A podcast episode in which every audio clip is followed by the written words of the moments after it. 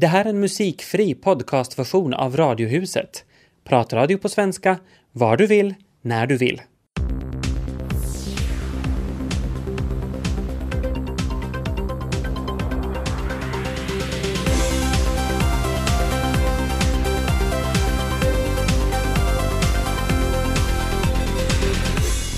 Radiohuset sänder från Böle och Helsingfors denna decemberonsdag.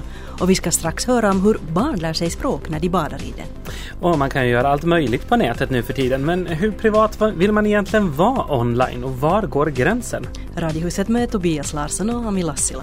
Välkomna med! Maria Savijärvi, välkommen! Tack. Du har doktorerat på språkbad. Varför ville du göra det? Jag har alltid varit intresserad av språk och språkinlärning. Och språkbad är bra för att uh, där ser man hur man, eller, eller inlärningen går till via kommunikation. Det är mera liksom inlärning i vardag än genom undervisning. Och det tyckte jag var intressant och jag fick, fick möjlighet att göra det så tog jag det. Hur har du själv lärt dig svenska? No, jag har lärt mig svenska i skolan. Jag hade A-svenska som började på trean och sen, sen eh, senare så lärde jag mig lite svenska vid universitetet. Jag hade det som biämne.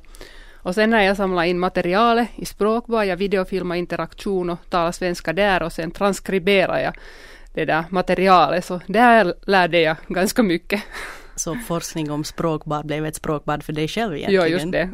Och jag tänkte också att det var ett bra metod att lära sig språk, att transkribera att, talad interaktion. Precis, kan du berätta lite mer konkret om hur, hur du gick tillväga? Ja. Men jag använde samtalsanalys och det innebär att man, man samlar in vardaglig interaktion genom att videofilma. Och jag tog videokameran och gick till en språkbadsgrupp som liksom var en nybörjargrupp och videofilma ungefär 40 timmar under de två, två första åren i deras språkbad och jag var där ungefär en vecka per gången och videofilma ungefär fyra timmar så att jag var, det var, det var ganska lång tid som, som jag liksom var där och videofilmade. Mm. Vad var det som hände där på, i språkbadet då med barnen och, och de vuxna? Nå där i början var det så att, det, det var ganska intressant att det, det hör ju till språkbadet att alla barn är finskspråkiga, eller de är enspråkiga i början och de kan inte språkbadsspråket. Men att det liksom såg ut nästan som om de förstod allt. Och det var, det var, det var lite förvånande för mig och, och det, det, var just det att, att liksom äh, no, i, i sådana situationer där, där till exempel läraren eller, eller språket är så knutet till, till här och nu att, att det var liksom det som, att lär, barnen kunde tolka interaktionen. Och det, det kom jag först fram när jag, när jag liksom analyserade materialet. Mm. Kan du berätta några exempel? Då till exempel vid frukostbordet, så när läraren gick kring bordet och frågade alla barn barn eh, vad, vad de vill dricka eller äta om, om hon frågar till exempel vill du ha mjölk eller vill du ha te? Så hade barnen inga, inga svårigheter att svara genom att nicka eller säga ja. Men att sen om hon frågar någon sådana saker som till exempel har du sjungit Imse Vimse spindel där hemma? Så kunde de inte svara. Och då märkte man att de faktiskt inte tolkar språket utan det som händer, det som de ser och vad, det som läraren gör. Fanns det några mer metoder för det här att försöka hjälpa dem att förstå än att bara ja. prata och prata? Vad fanns det? Ja, no, till exempel så var det helt systematiskt att läraren talade till var och, vart och ett av barnen så att, att inte, inte bara säga att ah, nu får ni gå ut utan hon sa det för alla barn så att du går ut och sen visar hon hemskt mycket. Och till exempel så, när jag försökte först jämföra de där frågorna vid frukostbordet, att hur hon bjuder på mat och sen tittade jag på de där första materialen från början och hon gick alltid från ett till ett annat barn och, och ställde den samma frågan till alla. Men, men sen när jag tittade på andra året så hade jag inga frågor. Hon bara sa, så, sa åt barnen att ta hon i vällingen och skicka runt den. Så att det var helt annat för att då förstod barnen redan och hon behövde inte göra det för alla. Alla, alla liksom skilt för sig. Ja. Mm. No, du sa att det var liksom andra året så, så förstod de redan, hon behövde inte ta dem Ja. så här. Men hur lång tid tog det för barnen att, att själv börja prata på svenska? Då? No, det varierar hemskt mycket. Att det liksom alla tycker att de, de börjar redan helt i början så att, att liksom de återanvände eh, ord och uttryck som de hörde läraren säga helt i, i samma situation. Men att sen, jag kunde säga att, att på våren så, så förstod alla barn ganska bra vad läraren sa, också sånt språk som inte var knutet till här och nu. Men att sen, sen eh, Uh, andra året så talar kanske hälften av barnen ganska mycket svenska och de, de ställde också frågor själv på svenska. Men att det, det var hemskt mycket variation och det var inte min forskningsfråga att undersöka varför några av dem talar så bra eller talar så mycket. Mm.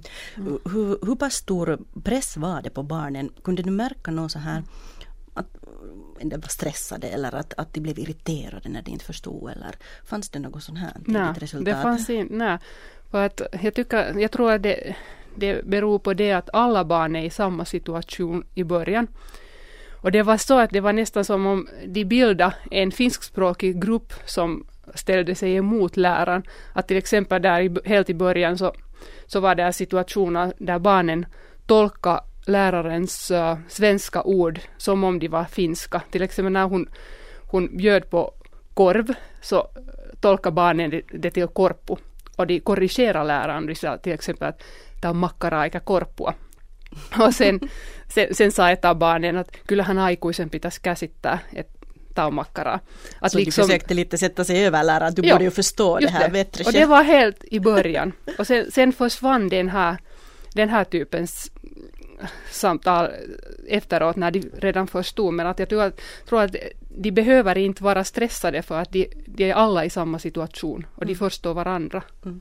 Vad tycker du att är det viktigaste resultatet här i din forskning? Uh, no, ett resultat är nog att, att liksom om man tänker på språkanvändning så är det inte bara det att, man liksom, att, att barnen talar svenska utan att också att de visar förståelse och kan samtala med läraren flytande också när, när de själv talar finska så är det också användning och liksom aktivt processering av språket. Och min avhandling visar att just det där fria användningen av finska språket är viktigt för att, och det att lärarna förstår barnen. För att de kan, de kan då komma in i deras samtal och föra in svenskan i sådana situationer eller sådana samtal som barnen har börjat på finska. Och sen börjar barnen ta, in, ta deras uttryck och ord i just sådana situationer de, de, börjar, de liksom börjar tala svenska utan att själv märka det. Oh, det låter alldeles fantastiskt. Hur skulle du vilja att man skulle dra nytta av din forskning? No, ja. no, no, jag tycker det, det är just det, kanske det fria användningen av, av finskan och, och sen att man liksom inte, inte behöver Kanske det också att, att, att man behöver inte oroa sig för mycket av det att, att barnen inte använder eller inte själv talar så mycket svenska. För de, de har, har nog tid sen efteråt också. Att liksom, no, jag har forskat i barn som, som är fyra och femåringar. Och, och de, de har tid att lära sig i skolan sen att använda mer, mera, eller tala själv svenska om det. Men, men att jag tycker just det att, att man har ingen stress att börja prata. Nu, nu tar man ju in språkundervisning i, i skolorna mm. ganska sent idag. Ifall man skulle föra in den tidigare, vad tror du det skulle få för följder? No, kanske kunde man säga att ju tidigare desto bättre, men sen måste man också tänka på undervisningsmetoder. Att om man börjar på ettan så kan man inte börja med, med läroböcker, för det finns barn som först lär sig läsa, att, att det måste vara sen mera kommunikativt. Prata, prata, prata. Ja, just det. Mm. Hur ser du på den här heta potatisen just nu, det här med tvåspråkiga skolor? No, jag anser att tvåspråkigheten är en resurs och jag tycker att det är en positiv sak. Men att sen måste man, måste man kanske bättre definiera vad man, vad man tänker eller vad man, vad man eh, vad, vad de där tvåspråkiga skolorna sen, sen konkret skulle vara.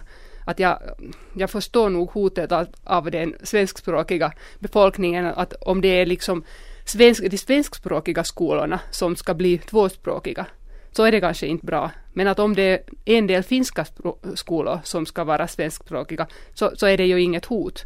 Och sen borde man tänka just den där undervisningen, hur man undervisar och vad är barnens ba språkliga bakgrund. Det är ju inte, inte hem, hemskt lätt att, att ha i samma klass sådana barn som är liksom tvåspråkiga eller enspråkigt finskspråkiga eller svenskspråkiga. Så det, det, måste man planera först. Mm, mycket intressant och spännande att fundera på. Mario Savijärvi, tack för att du kom. Tack.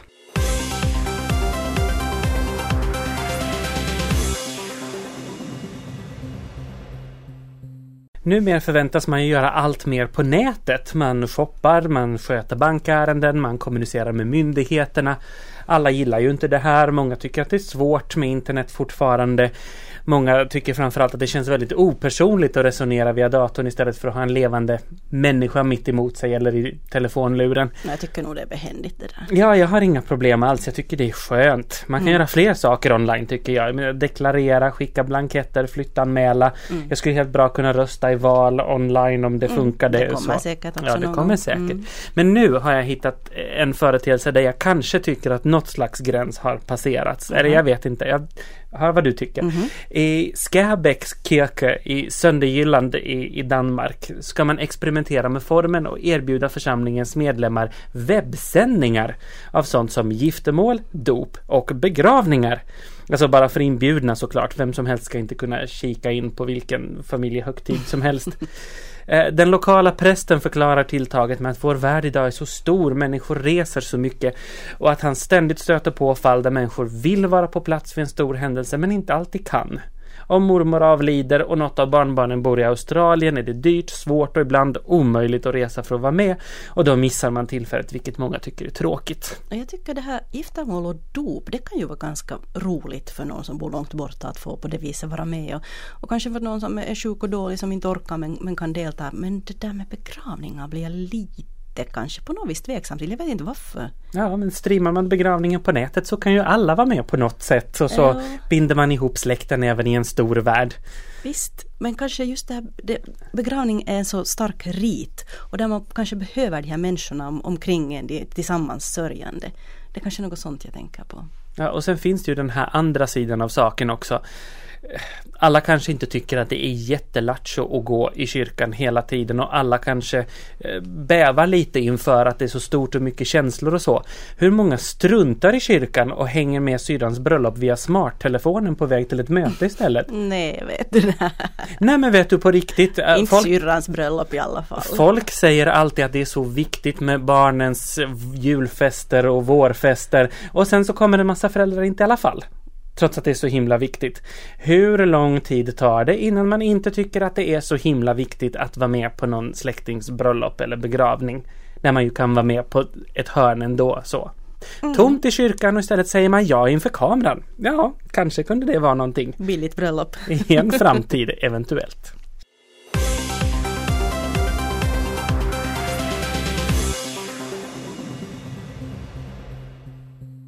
Julträdet är Unionhandelskammarens projekt. Det finns 74 stycken i Finland och alla gör egna beslut om de vill köra det här projektet Joulupu som det heter, eller julträdet. Joulupu går det under oftast. Det går ut på det att vi samlar in julklappar åt barnen inom Raseborg som inte annars kanske får en julklapp. Det är ett välgörenhetsprojekt.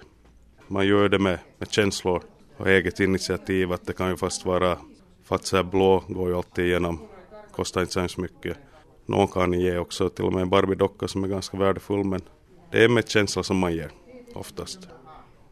Och många små paket kan också vara många gånger bättre än ett stort paket. Det är många år sedan jag arbetade som barnarbetare i Karis församling.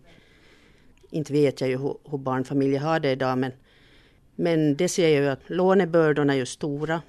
Det är dyrt. Boende är dyrt i vårt land. Och med den lilla matkasse som, som jag handlar för två personer så kan jag bara tänka mig om, om man är fem personer att vad den utgiften innebär. Och hälsovård, ja visst vi har hälsovårdscentral och så men, men det täcker ju inte alla gånger utan behovet kan vara att, att det finns möjlighet att, att söka privat sjukvård och snabbt. Och det, det är ju en kostnad. Men du jobbar ju här i en affär där det rör sig många föräldrar, småbarnsföräldrar också barn och det så mm, pratar de mycket om den här kommande julen och, och lite kanske klandrar dig också för att allt har blivit så dyrt när de tittar på leksaker. Eh, nej, inte kan jag säga att någon klandrar mig. Men naturligtvis pratas det mycket om julen, att vilket barn är inte förväntansfullt inför julen. Och det hör jag ju mycket också när de gå tillsammans här att oj mamma det här, att vi väntar på julkupen. Det börjar jag höra i november. Jag trodde att man mådde ganska bra men det var överraskande många som behövde den här hjälpen och jag tycker det gläder en massor att göra det här. Att man får själv bra stämning till jul själv när man firar jul när man jobbar med det här projektet. Teresa Wielman, enhetschef för barn och familjearbete. Vad tycker du om julklappsinsamlingen? Jag tycker att det är en jättefin sak. Att det är en, en guldkant åt, åt familjer som har haft det svårt och kunna ge, få en guldkant inför julen med lite extra paket åt, åt barn. Och så upplever jag att det är också människor som tycker att det är fint och roligt att ge och kunna vara delta på det här viset. På vilka olika sätt kan man hjälpa då barnfamiljer bland annat inför jul? Ett ekonomiskt stöd så är ju en sån här konkret sak. Att det är nog kanske det. Det är ju ingenting som, som ges i några stora mängder men kan ges i små mängder. Att annars är det nog mest via det här som frivilliga organisationer och föreningar och församling gör. Att julklappsdrejen är en, en väldigt god sak. Så ni ger pengar och frivilliga samlar in saker? Ja, och jag poängterar att det där med att vi ger pengar är en väldigt, väldigt liten del av det. Vi ger inte åt många familjer, utan det, det är ingen automatik. Utan det är ytterhetsfall, undantagsfall. Vad gör ni inom enheten då inför jul för alla de här barnen och, och familjerna? Vårt arbete är nu helt så som, som förut att, att om det är någon som har något mera större svårare situation inför julen, där är ju mycket kanske känslomässiga saker som kan komma med, så försöker vi stödja i mån av möjlighet. Och det är helt utegående från varje familjesituation enskilt som vi försöker understödja. Så här. Fin Varsågod. Här står det pojke fyra år. Vad står det mera där? Vad är det som du, Annika? Det är en mönkje. Aha, en sån här liten fyrhjulsdriven bil. Ja, det, mm. jag kom just på att det är samma på finska och svenska så jag skriva det bara en gång där, som tur Annika Forsman, du har kommit hit för att eh, dela med dig av julglädjen och, och är med i projektet Joulupu. Mm. Varför det? No, för att uh, jag hör, hörde via Facebook faktiskt om det här, en kompis som, som skrev om det och var på väg hit och jag tyckte att det här var en, det här var en god grej. Som, som var och en i hela Raseborg skulle kunna ta fasta på och komma hit en sväng, tycker jag. Mm. Du själv, mamma, mm. har flera barn, du är ensamförsörjare. Mm, jo, mm. jo, det kan man väl säga. Ja. Och ändå tycker du att du gärna vill ge någonting? No, kanske av den orsaken att jag har stödmänniskor omkring mig föräldrar och så vidare bortåt. Men det där, delvis vet jag väl hur det är att vara ensam och, och också inte alltid kanske så det är hemskt fett att leva med det där. Därför tycker jag att det här är en bra grej. Du har ett paket till här ser jag. Jo. Mm, vad är det då? Det är åt en treårig flicka. Vad innehåller paketet? No, det är en kassaapparat. Jag tog den där för att det där min egen, egen dam var helt förtjust i sin egen som hon fick i samma ålder. Så jag antog att det finns flera damer som gillar det. Rent konkret, hur går uh, folk som vill ge en julgåva, hur går han eller hon tillväga? Man tar en, en lapp från julgranen som det står då pojke eller tytte på, alltså flicka eller pojke. Och så får man rikta det till då någondera, åldern 1 till 17, det finns en lista här. Då lägger man på den åldern och så ger man det åt oss och så skriver vi på vad det innehåller och paketerar in det. Kristoffer Friberg, kommer du själv att ge julpaket till projektet Julträdet? Absolut. Jag tror att i år blir det många små paket och hårda paket. Att I fjol så blev det lite mera mjuka paket som jag gav och vi medlemmar brukar alltid donera totalt en mellan 30 till 50 stycken gåvor själva från vår förening så, till det här julprojektet. Jag och, jag och paket... Lättare paketera. ja. Jag ska alltid lägga det möjligast svårt.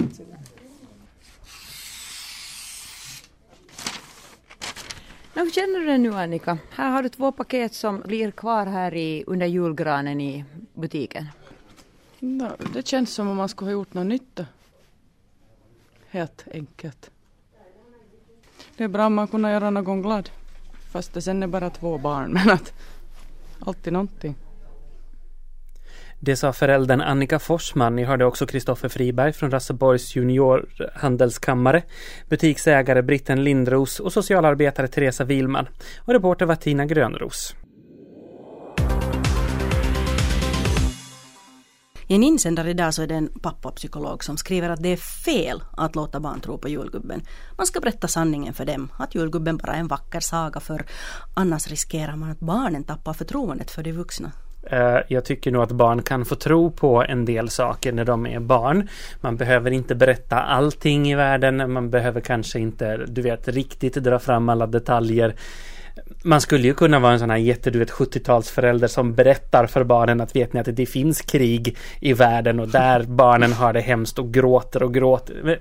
Mm. Man, be man behöver inte berätta sanning, hela sanningen alltid. Mm, kanske. Du, Tobias, det här är faktiskt ganska eldfängt ämne för att jag har hört diskussioner om, om det här och jag har en sån här kompis som, som firar jul tillsammans med sina släktingar så där som man gör och, och där fanns då en släkting som benhårt trodde på just det här att man ska berätta som det är för barnen. Och det ledde ju förstås här då till att inte bara de egna barnen fick veta sanningen utan släktens alla andra barn också. Ja, just det. Och det här var faktiskt en stor sorg för ena mamman. Hon skulle väldigt gärna ha låtit sina barn ha den där magiska känslan om att julgubben faktiskt finns. Jag vet själv att jag valde att tro på julgubben i ganska många år efter att jag inte riktigt trodde på honom längre. Mm. Just för att det var så så trevligt. Ja, jag kommer också ihåg precis själv hur det kändes. Hur det kändes att tro på julgubben. Den där underbara känslan av att på sätt och vis nästan vara med i en saga. Men å andra sidan så, jo, min lilla syster, hon fick då, hon fick tro på julgubben. Men hon berättar varje jul nästan om hur traumatiskt det var för henne att inse att allt bara var lögn. Och dessutom blev julgubben som då råkar vara jag det året avslöjad. Jag blev avslöjad på grund av mitt örhänge som min lilla syster kände igen. Så det blev ett hemskt plötsligt och brutalt uppvaknande för henne då. Oj, ej. Så mm. kan det gå. Ja, men trots det här så har jag nog låtit mina egna barn tro på julgubben så länge de hade lust och jag tror nog inte att det har underminerat deras förtroende för mig eller andra vuxna. Jag tycker nog att man ska inte ta så allvarligt på allt här i världen för åh, jag gillar det här med sagornas magi, det ska få finnas någonstans. Alltså, de som säger att storleken inte har någon betydelse, de pratar skräp. Klart den har. För några veckor sedan kunde jag än en gång konstatera att jag helt enkelt är alldeles för stor för att färdas bekvämt i de flesta flygplan. Jag menar, när knäna tar i sätet framför en från början utan att någon ens har försökt luta ryggstödet bakåt, då vet man att sittplatsen är dimensionerad för mindre personer. Och vi andra får försöka vika benen åt sidan och uthärda. För storleken kan man inte göra så mycket åt. Och nu talar jag alltså inte om storleken på bredden utan på längden eftersom den brukar vara någorlunda konstant när man väl har vuxit färdigt. Vilket för min del hände vid 14 års ålder.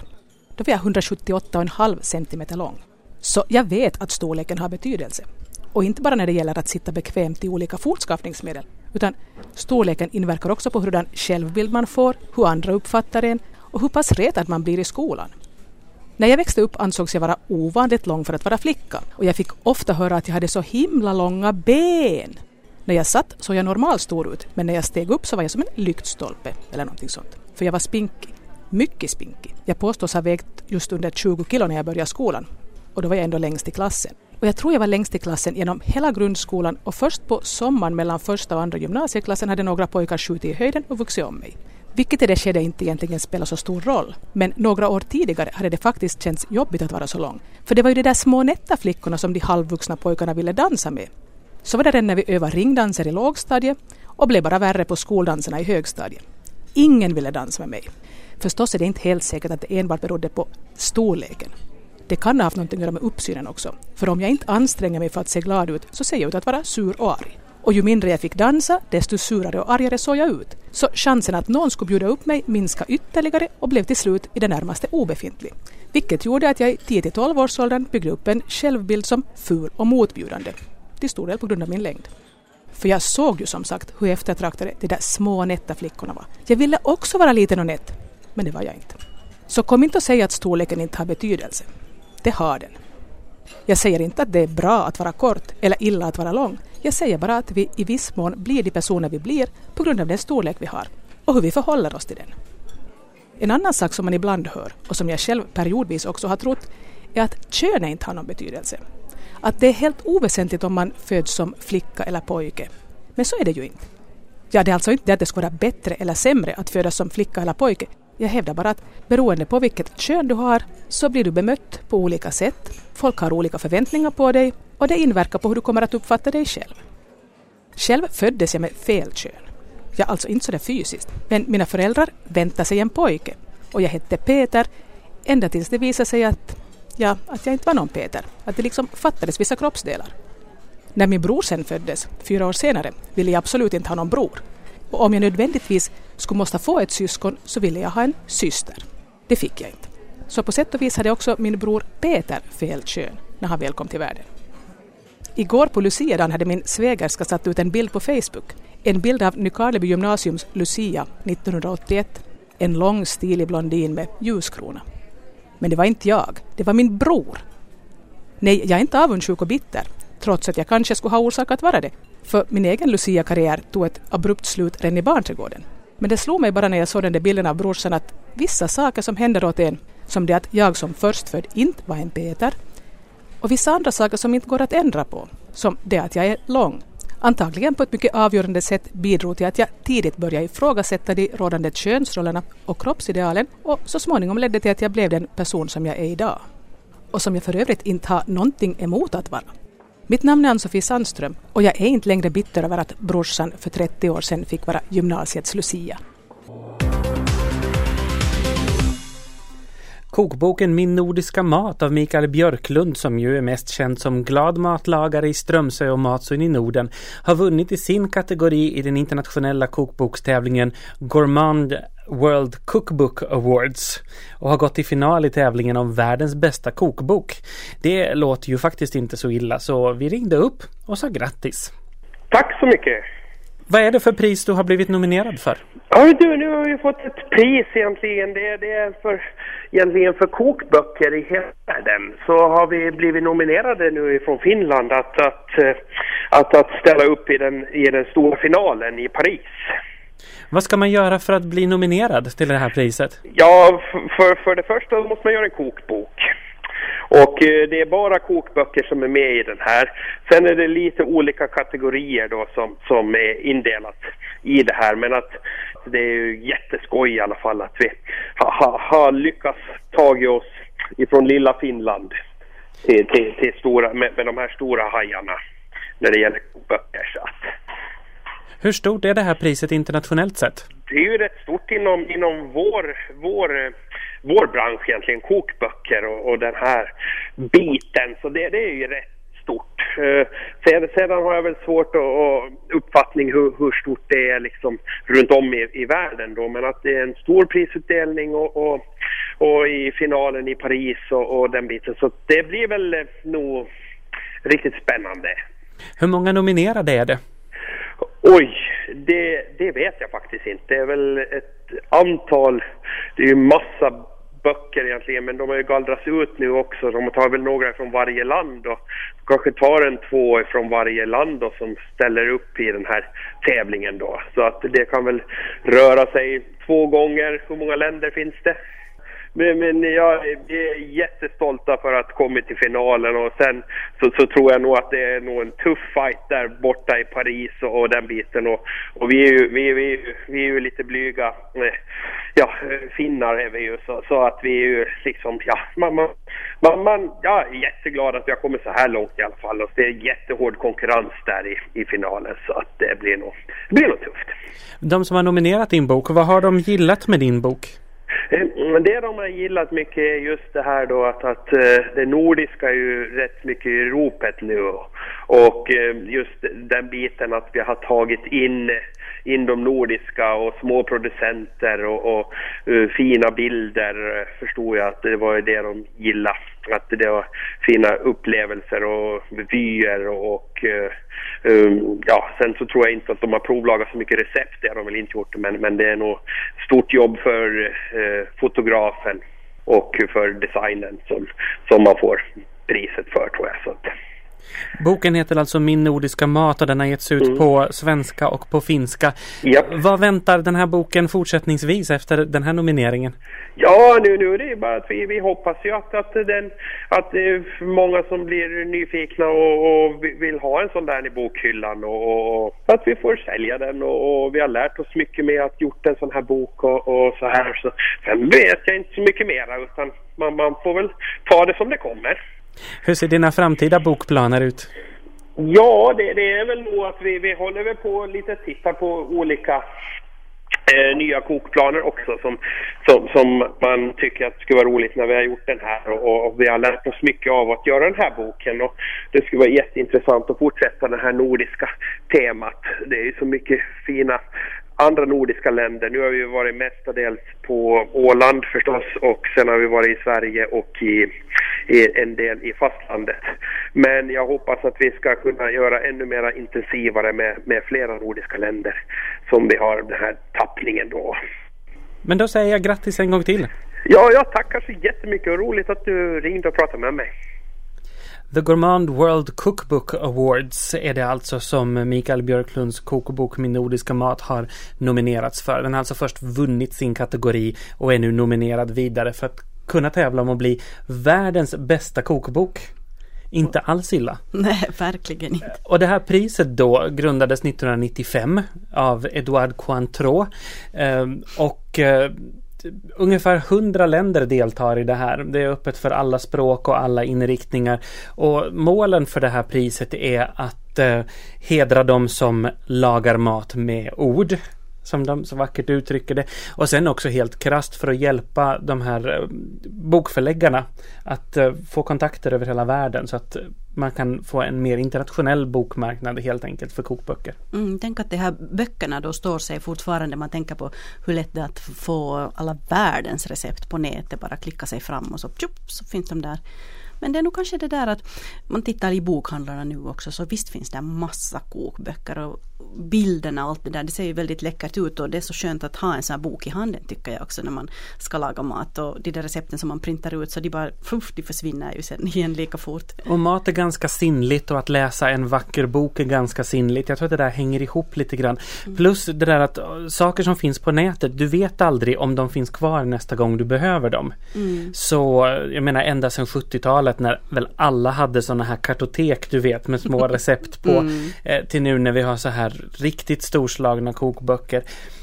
Det finns exempelvis, jag tror att vi har pratat om den tidigare i Radiohuset, men bloggreceptboken där man just har tagit sådana här receptsajters bästa recept och så har man gjort dem till en riktig bok som man kan ladda hem. Så mm. receptsajter i all ära, men kokboken är nog svårslagen.